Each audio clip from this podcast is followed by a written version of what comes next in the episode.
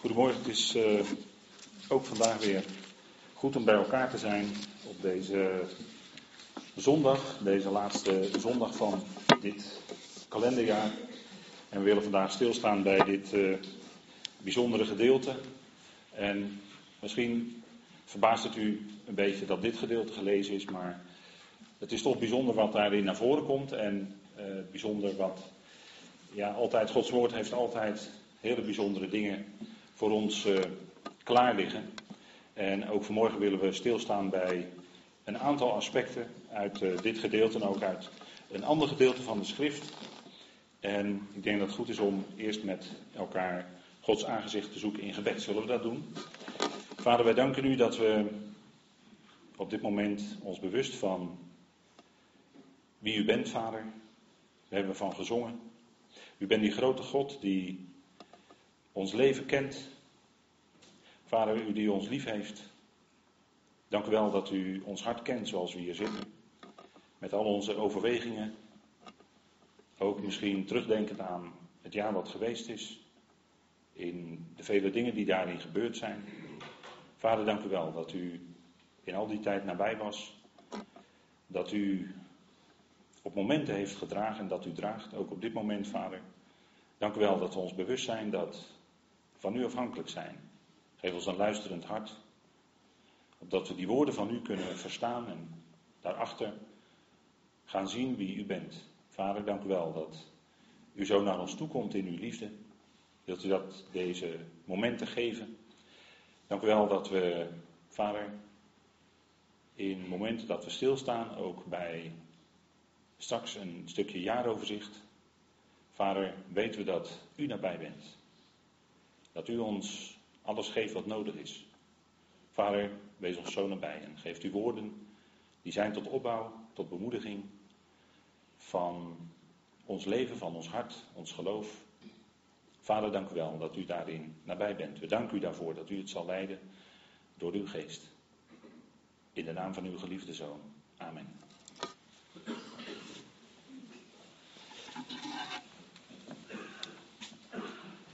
2015. Als we kijken naar het jaarthema, dan kun je zeggen dat Psalm 139 spreekt van deze dingen. Waarin vanzelfsprekend God zich laat zien als de God die je kent en God die je ziet. Het is niet alleen dat we van Hem vernemen uit Zijn woord, maar daardoorheen ontdekken we steeds meer en steeds beter misschien wel, juist door onze levenservaringen, dat God je kent.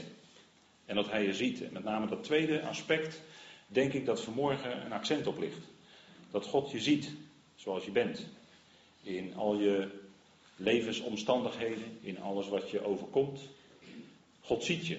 En dat is niet een, iets, uh, ja, in, in een bepaalde traditie worden mensen dan ineens heel bang. Dan zijn mensen bang voor God en zijn ze ook bang als dat uitgesproken wordt, dat God je ziet. Maar er is allerminste reden om, om bang te zijn. Integendeel zelfs. Het is juist heel troostend als je dat beseft. En dat komt toch in dit stukje naar voren. Dat God ziet en daarin zit tegelijkertijd, als je het vanuit de Bijbel ziet, als je het vanuit de Bijbel leest en gaat ontdekken, dan ga je ontdekken dat in dat zien van God ook het tegelijk het voorzien zit. Dat God voorziet. Niet alleen tevoren ziet, maar dat hij ook voorziet. Paulus die schrijft aan deze Corinthiërs. En de Korinthe gemeente, dat hebben we al meerdere keren met elkaar vastgesteld. De gemeente, gemeente in Korinthe was voor Paulus uh, een hele bijzondere gemeente.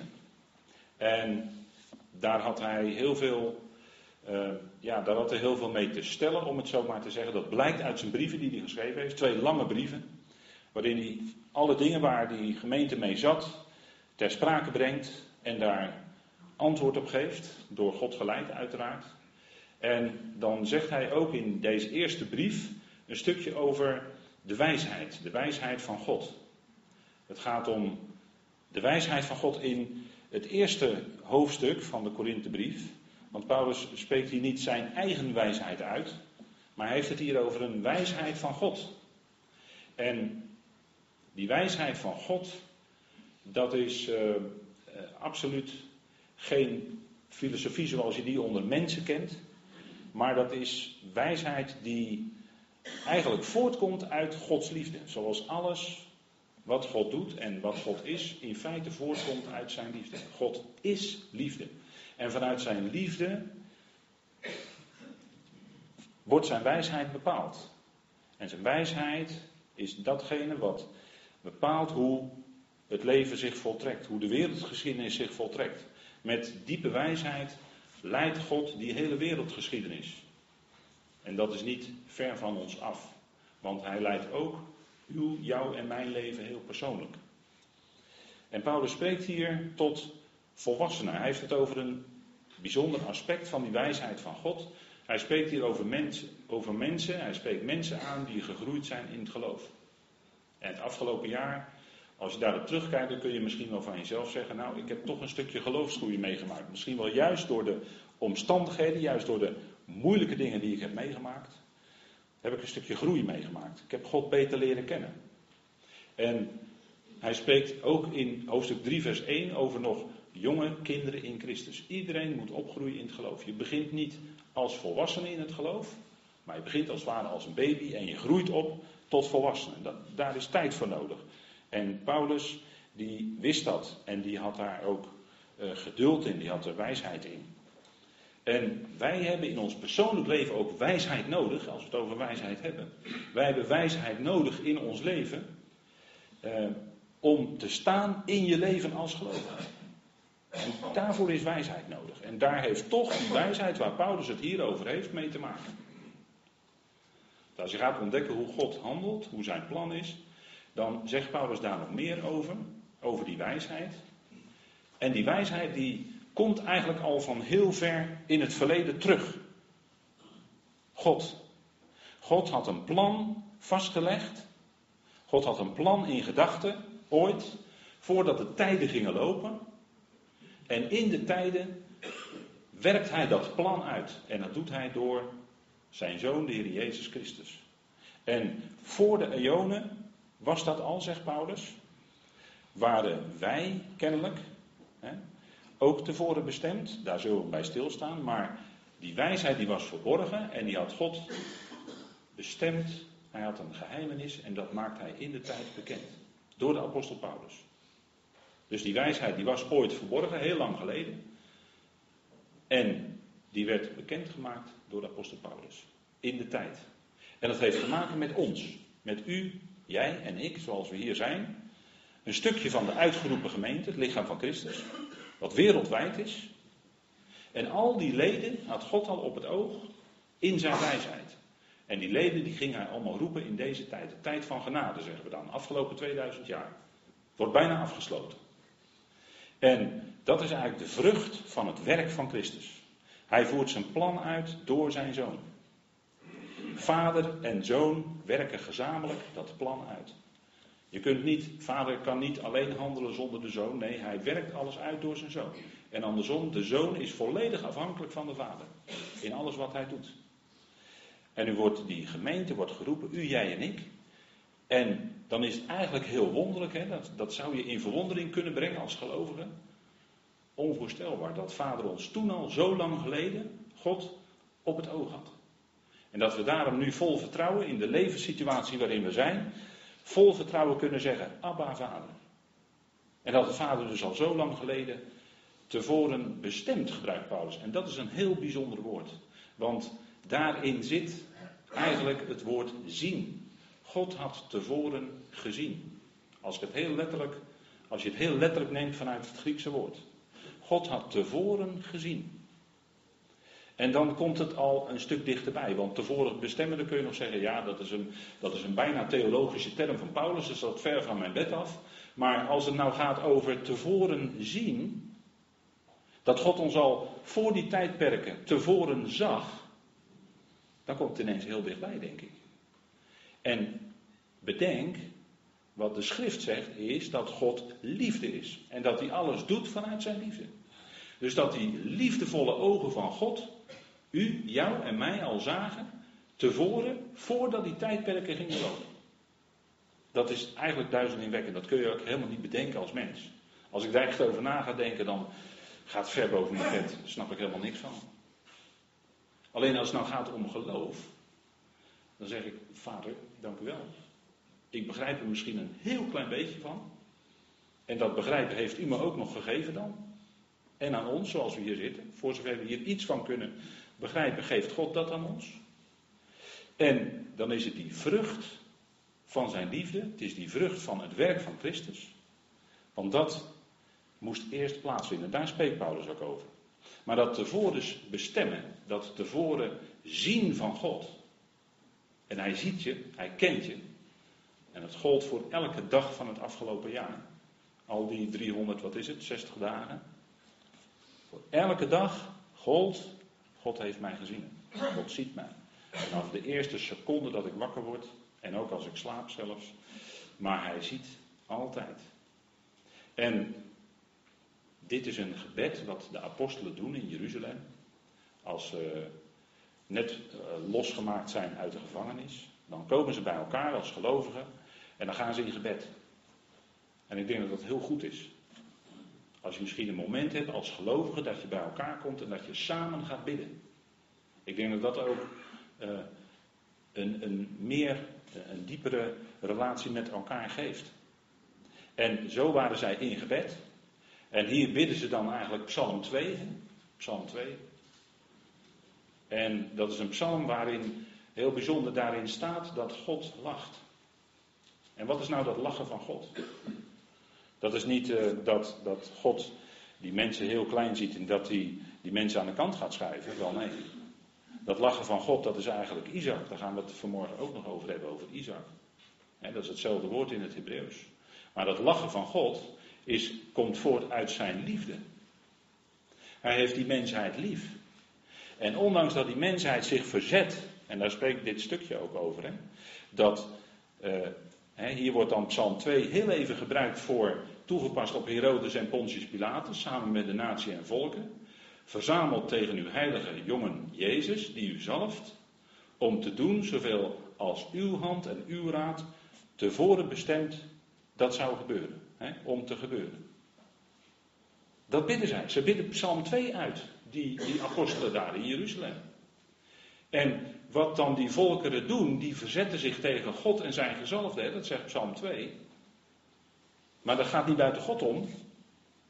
Dat is zelfs wat in Gods raadsbesluit, in Gods plannen was opgenomen.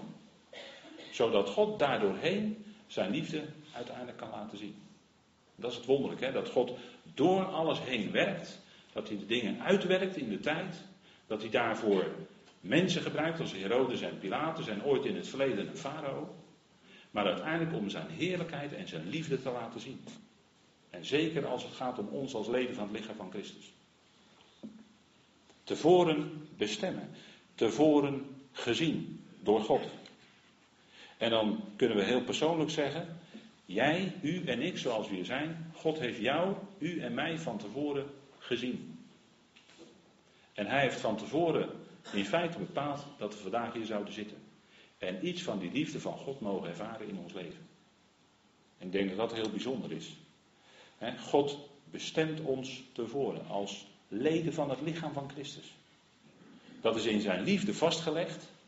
En dat werkt hij in de tijd uit, want er staat in Romeinen 8 en die bekende woorden, hij roept ons ook. Hij roept. Elke keer als we dat woord horen, dan roept hij. Met die stem van zijn liefde. En, en je moet dan wel eens denken aan zo'n lied, hè, wat, wat je van vroeger kent. Kom zoals je bent. Je hoeft je niet mooier voor te doen voor God, want hij ziet je, hij kent je. Hij kijkt dwars door die buitenkant heen, toch? Hij heeft je lief. Kom zoals je bent. En, en misschien is het wel zo dat door gebeurtenissen van het afgelopen jaar, die je pijn hebben gedaan, misschien heeft u pijnlijke gebeurtenissen meegemaakt, waardoor u van binnen verwond bent, waardoor u pijn meedraagt. En misschien kunnen we dat allemaal wel zeggen zoals we hier zitten en staan. Maar zijn liefde, daar gaat het niet buitenom. En hij roept ons elke keer door zijn woord. En het kan best zijn dat door de pijn die je met je meedraagt. Dat je misschien in je relatie met God hebt gezegd van een beetje afstand. Voor, voor jouw ervaring, hè? van jezelf uit. Niet van God uit, die is altijd heel dichtbij. Dat maakt niet uit. Dat zou kunnen. En is die roep van God, kom zoals je bent. Met misschien al je overwegingen. En misschien je kijken naar andere mensen, of wat andere mensen doen, of waar, wat andere gelovigen doen, waar je misschien in teleurgesteld bent geraakt. Zou kunnen. Zou kunnen. En daarvoor kun je pijn hebben. Maar hij roept, want hij heeft je tevoren bestemd. En je hoort bij elkaar. En dat is niet makkelijk. Maar wel het geweldige is dat je altijd kan komen zoals je bent. Ook al heb je geen woorden. Ook al komen er alleen maar tranen. En, en kun je geen woorden uitspreken naar God toe. Zou kunnen. Kom zoals je bent. Dat is zijn liefde. Zijn liefde roep. Hij kende je. Hij ziet je. En hij zag je van tevoren. En God werkte zijn plan uit. Hè? Herodes en Pilatus en, en de anderen waren verzameld. En dat was allemaal gericht tegen Jezus. En ze sloegen hem aan het kruis. En dat was nou precies de bedoeling van God. Want juist daardoor, door dat geven van zijn zoon aan het kruis, kon God zijn weergaloze, onmetelijk diepe liefde zien, laten zien. God had voorzien dat die tegenstand er was, zodat zijn zoon aan het kruis geslagen zou moeten worden. Als ze het zouden geweten hebben wat daarna zou komen, wat God dan ging doen, dan zouden ze hem niet gekruisigd hebben, de Heer van de heerlijkheid. Want hij zal in de komende tijden zo onvoorstelbaar veel heerlijkheid ontvangen en laten zien. We hebben het over zien, hè? onze ogen. Dan zullen we als wij bij hem zullen zijn, zullen we hem ook zien zoals hij werkelijk is. En dat kunnen we alleen maar doen als we dat verheerlijkte lichaam hebben ontvangen. Maar in de komende tijden zal hij, zal hij blijken te zijn de Heer van de heerlijkheid. Als we, ook wij verheerlijkt worden. Want goddank blijft het niet alleen bij lijden. Blijft het niet alleen bij pijn en verdriet die wij nu meemaken. En dat is moeilijk, dat zijn moeilijke dagen, dat zijn moeilijke uren. Maar daar blijft het niet bij. Want wat is nou het geheim dat je toch verder kunt? Omdat je een vader kent. Dat je een vader kent die je draagt, die je lief heeft. En waarvan je weet, diep in je hart, dat het niet buiten de mom gaat. En dat hij dat lijden, die pijn en dat verdriet zal omzetten in heerlijkheid. En dat is geen doekje voor het bloed hoor. Dat is wat Gods woord zegt. En dat zal hij ook vervullen. Al die beloften die hij gegeven heeft, zal hij vervullen. En dat, daar staat zijn liefde achter. En dat is waar, onze ogen steeds verder voor geopend worden. Dat het zijn liefde is. En, en in het begin, op je geloofsweg, ga, zie je dat niet zo. Maar gaandeweg ga je dat steeds meer zien. Vader, het is uw liefde. Het gaat niet buiten u om. En dat maakt je ook als mens, als gelovige moet ik zeggen, maakt je milder. De vrucht van de geest. Heel belangrijk. Galaten 5, vers 22 en 23. We staan er uitgebreid bij stil. Waarom? Omdat de vrucht van de geest allereerst liefde is. En daar komt alles uit voort.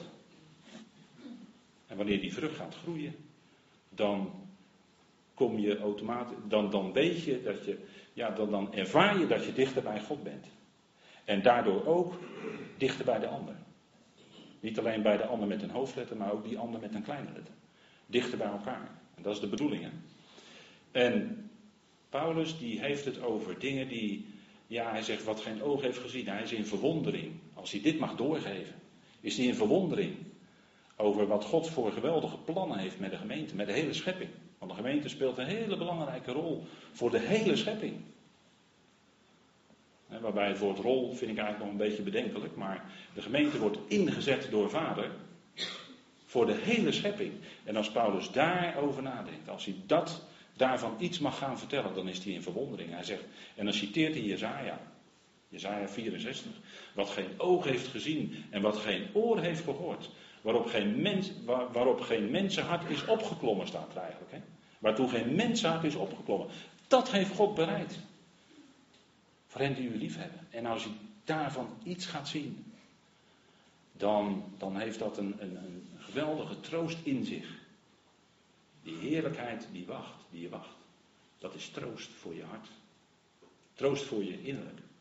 Vader voorziet namelijk en zorgt. En toen ik dit zo opschreef, toen dacht ik van eigenlijk kan ik dat zorgen wel weglaten, want vader voorziet. Daar zit ook tegelijkertijd zijn zorg in. Hij zorgt. Hij is een geweldige vader die voor ons zorgt aan alle kanten. En Paulus citeert Jezaja 64. Hè? En daar, daar zit Israël met, met een gesloten hemel. Hè? Want dat 64, dat opent met dat gebed van, oh dat u de hemelen openscheurde. Ik heb het zo moeilijk en waarom antwoordt u niet?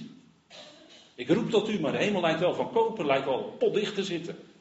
He? Oh, dat u de hemelen scheurde, dat u afdaalde. Dan vloeit dit berg weg van voor uw aangezicht. En dan gaat Jezaja iets vertellen over de heerlijkheid die gaat komen voor Israël en voor de volkeren. En dan zegt hij in vers 4, en sinds de Olaam hoorden zij niet en neigde hun oor niet, geen oog zag een God behalve u. En hij doet het voor hen die op hem wachten. En, en deze woorden gebruikt Paulus dan. Hoewel deze woorden letterlijk te maken hebben met de verwondering van de profeet in zaken Israël en de volkeren. Maar deze woorden gebruikt Paulus dan. En in, in de Korinthebrief. En, en dan mag hij die dingen gaan vertellen. iets daarvan duidelijk gaan maken als hij daaraan denkt. Maar hij kon aan de Corinthiërs niet zoveel daarvan kwijt. Aan die roeping van de gemeente. Hij zegt, zoals geschreven staat. Hij haalt die woorden aan en doet hij op een hele speciale manier. Dat is steeds bij Paulus. Dat is op een hele speciale manier. En dan gaat hij iets vertellen over de roeping van de gemeente. Dat is een hele, hele andere, roeping dan Israël. Maar dan verwondert hij zich. Dat, ja, dat wat, wat ik mag doorgeven, die wijsheid van God. Daar is geen enkel menshart. Dat, dat, dat moet je horen, dat moet je gaan zien dat moet je horen door iemand die het, die het onthult, die het van God bekend mocht maken. Dat was Paulus. En, en David had ook zo'n verwondering. Dat jaarthema, Psalm 139. Daar staan deze woorden in. Over vader met een hoofdletter voorziet en zorgt gesproken. En dan zegt Paulus, en, het gaat om dat zien van God, hè, dat hij ziet en dat houdt in ook het voorzien, de voorzorgen, alles wat hij geeft. Uw ogen zagen mijn embryo, staat er dan. Uw ogen zagen, vaders ogen, zagen mijn embryo, en dat geldt voor ieder mens. En dan is eigenlijk heel wonderlijk hè, dat, dat vader ons toen al op het oog had. En toen al al die dagen kende die wij in ons leven meemaken. Daar was David diep verwonderd over. En ik hoop en bid dat u ook zo verwonderd bent. Hè? Over dat liefdevolle zien van God. Dat hij ons toen al op het oog had. Hè? Alle waren zij geschreven in uw boekrol. De dagen, zij werden gevormd toen niet één daarvan was. En dat komt vanuit dat zien van de Vader. Hè? Hij zag al al die dagen van ons leven. Met liefde. En al die dagen van ons leven gaat hij mee, wandelt hij mee, trekt hij mee als JW. Dat is de naam van God, dat is de God die met je meegaat. Trekt hij met je mee door het leven. En hij is niet onverschillig op een afstand. Hij is betrokken. Hij weet wat in je omgaat. Hij weet dat het vaak moeilijk is. Al die dagen, die zag hij al. Fantastisch. Nou, vader voorziet en zorgt. Hè? Dat komt heel sterk naar voren in die bekende geschiedenis van uh, Abraham en zijn zoon, hè? van Isaac. Zijn zoon die hij zo lief had. Abraham en Isaac, Genesis 22. Een hele bijzondere geschiedenis. Hè? Vader en zoon gaan daar naar de berg Moria. En Abraham die heeft te horen gekregen dat hij zijn enige zoon, die hij zo lief heeft, moet meenemen. Naar die berg daar, hè, die berg Moria. Vader voorziet. En dan, u kent die geschiedenis, hè? Op het moment dat Abraham zoals hier in, op deze, in deze film geïllustreerd, eh, is het uitgebeeld. Op het moment dat Abraham het mes heeft om zijn zoon daadwerkelijk te doden, komt er een stem uit de hemel die zegt: Abraham, Abraham. En hoeft het niet te doen. Maar wat was nou het geloof van Abraham hierbij? Abraham overwoog hierbij, dat zegt de Hebreeënbrief, dat vader hem bij wijze van spreken, hè, dat vader hem uit de, niet bij wijze van spreken, dat vader hem uit de dood zou opwekken. En bij wijze van spreken, zegt Hebreeën dan, heeft hij hem ook uit de doden teruggekregen. Dus deze hele geschiedenis gaat in feite om opstanding. Opstanding. En opstanding is hetgene wat, hè, er is dus leven na de dood. Er is leven na de dood en dat is voor ons zo'n geweldige troost. Er is leven, opstanding. En Abraham kende God. Kende God zo dat hij overwoog dat God hem bij machten was zijn zoon uit de dood op te wekken. Het gaat hier om opstanding, deze hele geschiedenis, in feite.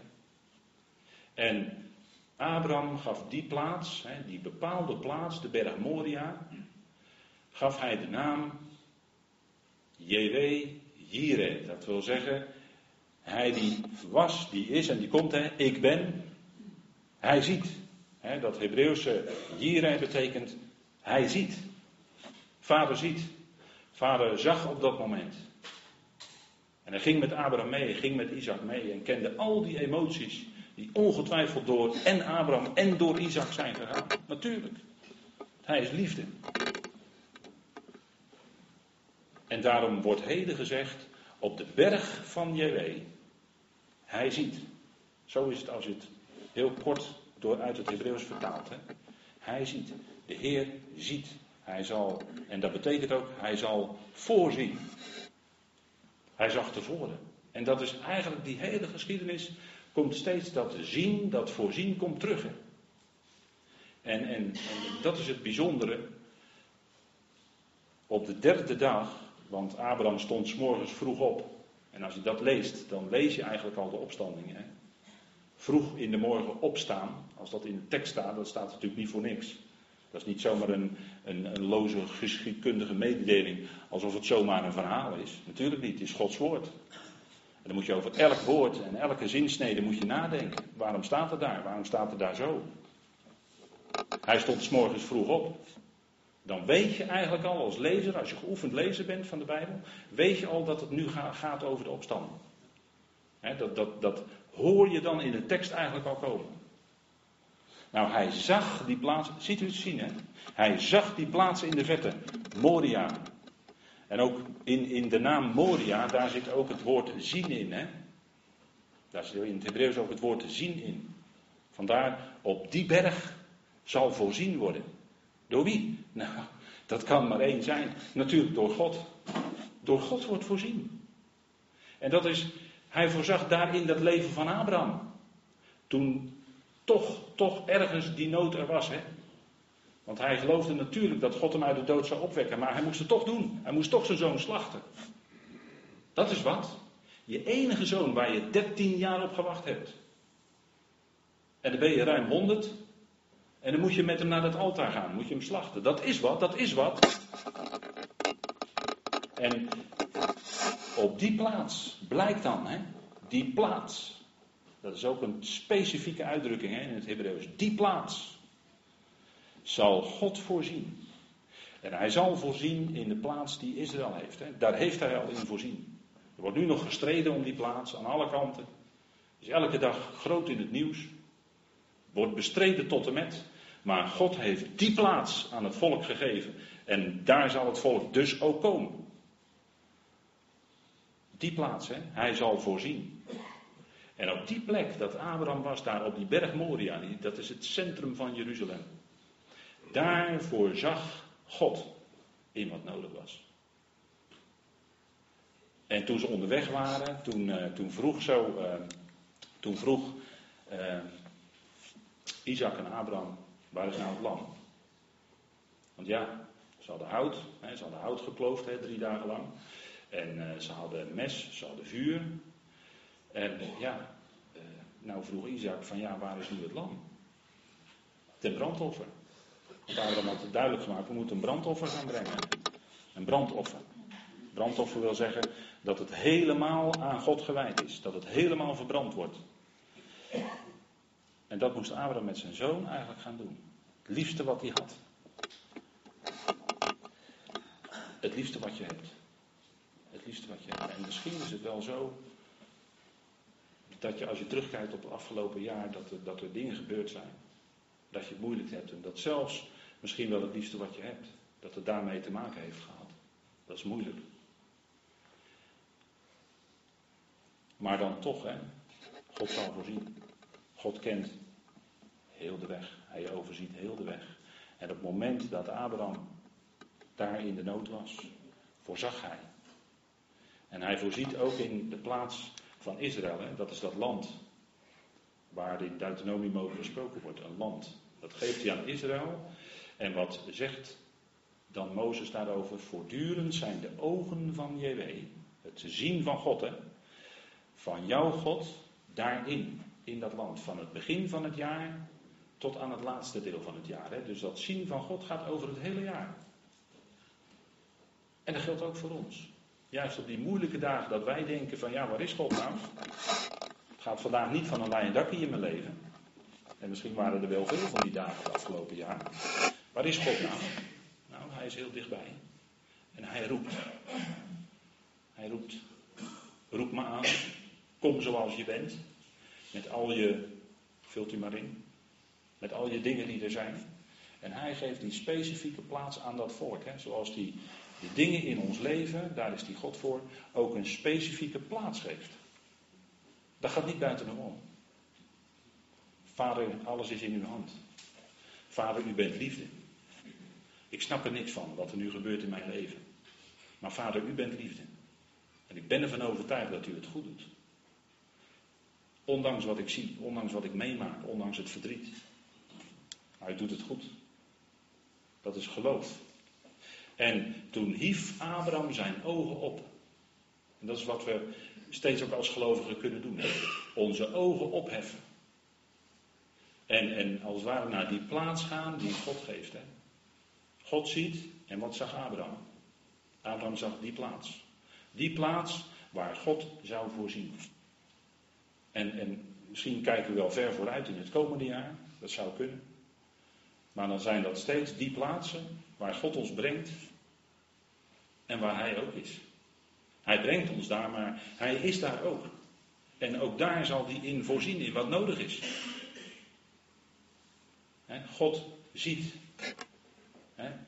Abraham zei daarvan, Jewe, Jireh. God is er, Hij is nabij en Hij ziet je. En voor ons als gelovigen is het zelfs geweldig dat Hij door zijn geest in ons hart woning heeft gemaakt. Door zijn geest in ons hart, daar woont Hij in. Dat is ongekend in de geschiedenis. Dat, dat had Israël niet meegemaakt. Maar dat mogen wij vandaag meemaken. Dat God met zijn geest in ons hart woont. Dan is hij altijd meer dan dicht nabij. Hij woont in ons. Blijvend. Gaat niet meer weg. We zijn verzegeld. Tot die geweldige dag van vrijkopen. En tot die dag gaat hij mee. En hij zal voorzien op de plaats waar we zijn. Hè? Onze plaats in het leven. Maar daar is hij. Daar is, bij, is hij zo nauw bij ons betrokken. En wat zegt Abraham dan? God zal zelf in een lam ten brandoffer voorzien, mijn zoon. En, en bijna hoor je hier de woorden van God zelf doorheen. Dat hij zelf zal voorzien in het brandoffer, dubbele punt, mijn zoon. Het is bijna alsof je God hier zelf hoort spreken. En dat hij spreekt over zijn eigen zoon, die hij zo lief had. Maar die wel aan het kruis moest. Dat heeft pijn gedaan bij vader. Dat heeft pijn bij de zoon. En die pijn van dat lijden, daar de vrucht van, ja, dat, dat, dat mogen we hier zien, dat mag u in uw leven ervaren. Een geweldige toekomst, nu, maar ook een geweldige toekomst met Hem. Dat is een vlekkeloos lam, hè, waarvan uh, Petrus zei dat tevoren gekend was voor de neerwerping van de wereld. God had van tevoren dat lam al klaar, hè, die had het al gezien. Had het al gezien, tevoren gekend, had het al gezien. Dat het veel later in de tijd op Golgotha zou moeten gebeuren, natuurlijk. Had hij al gezien. Maar dat was alles door zijn liefde. Dat, dat, zit overal achter. Hè.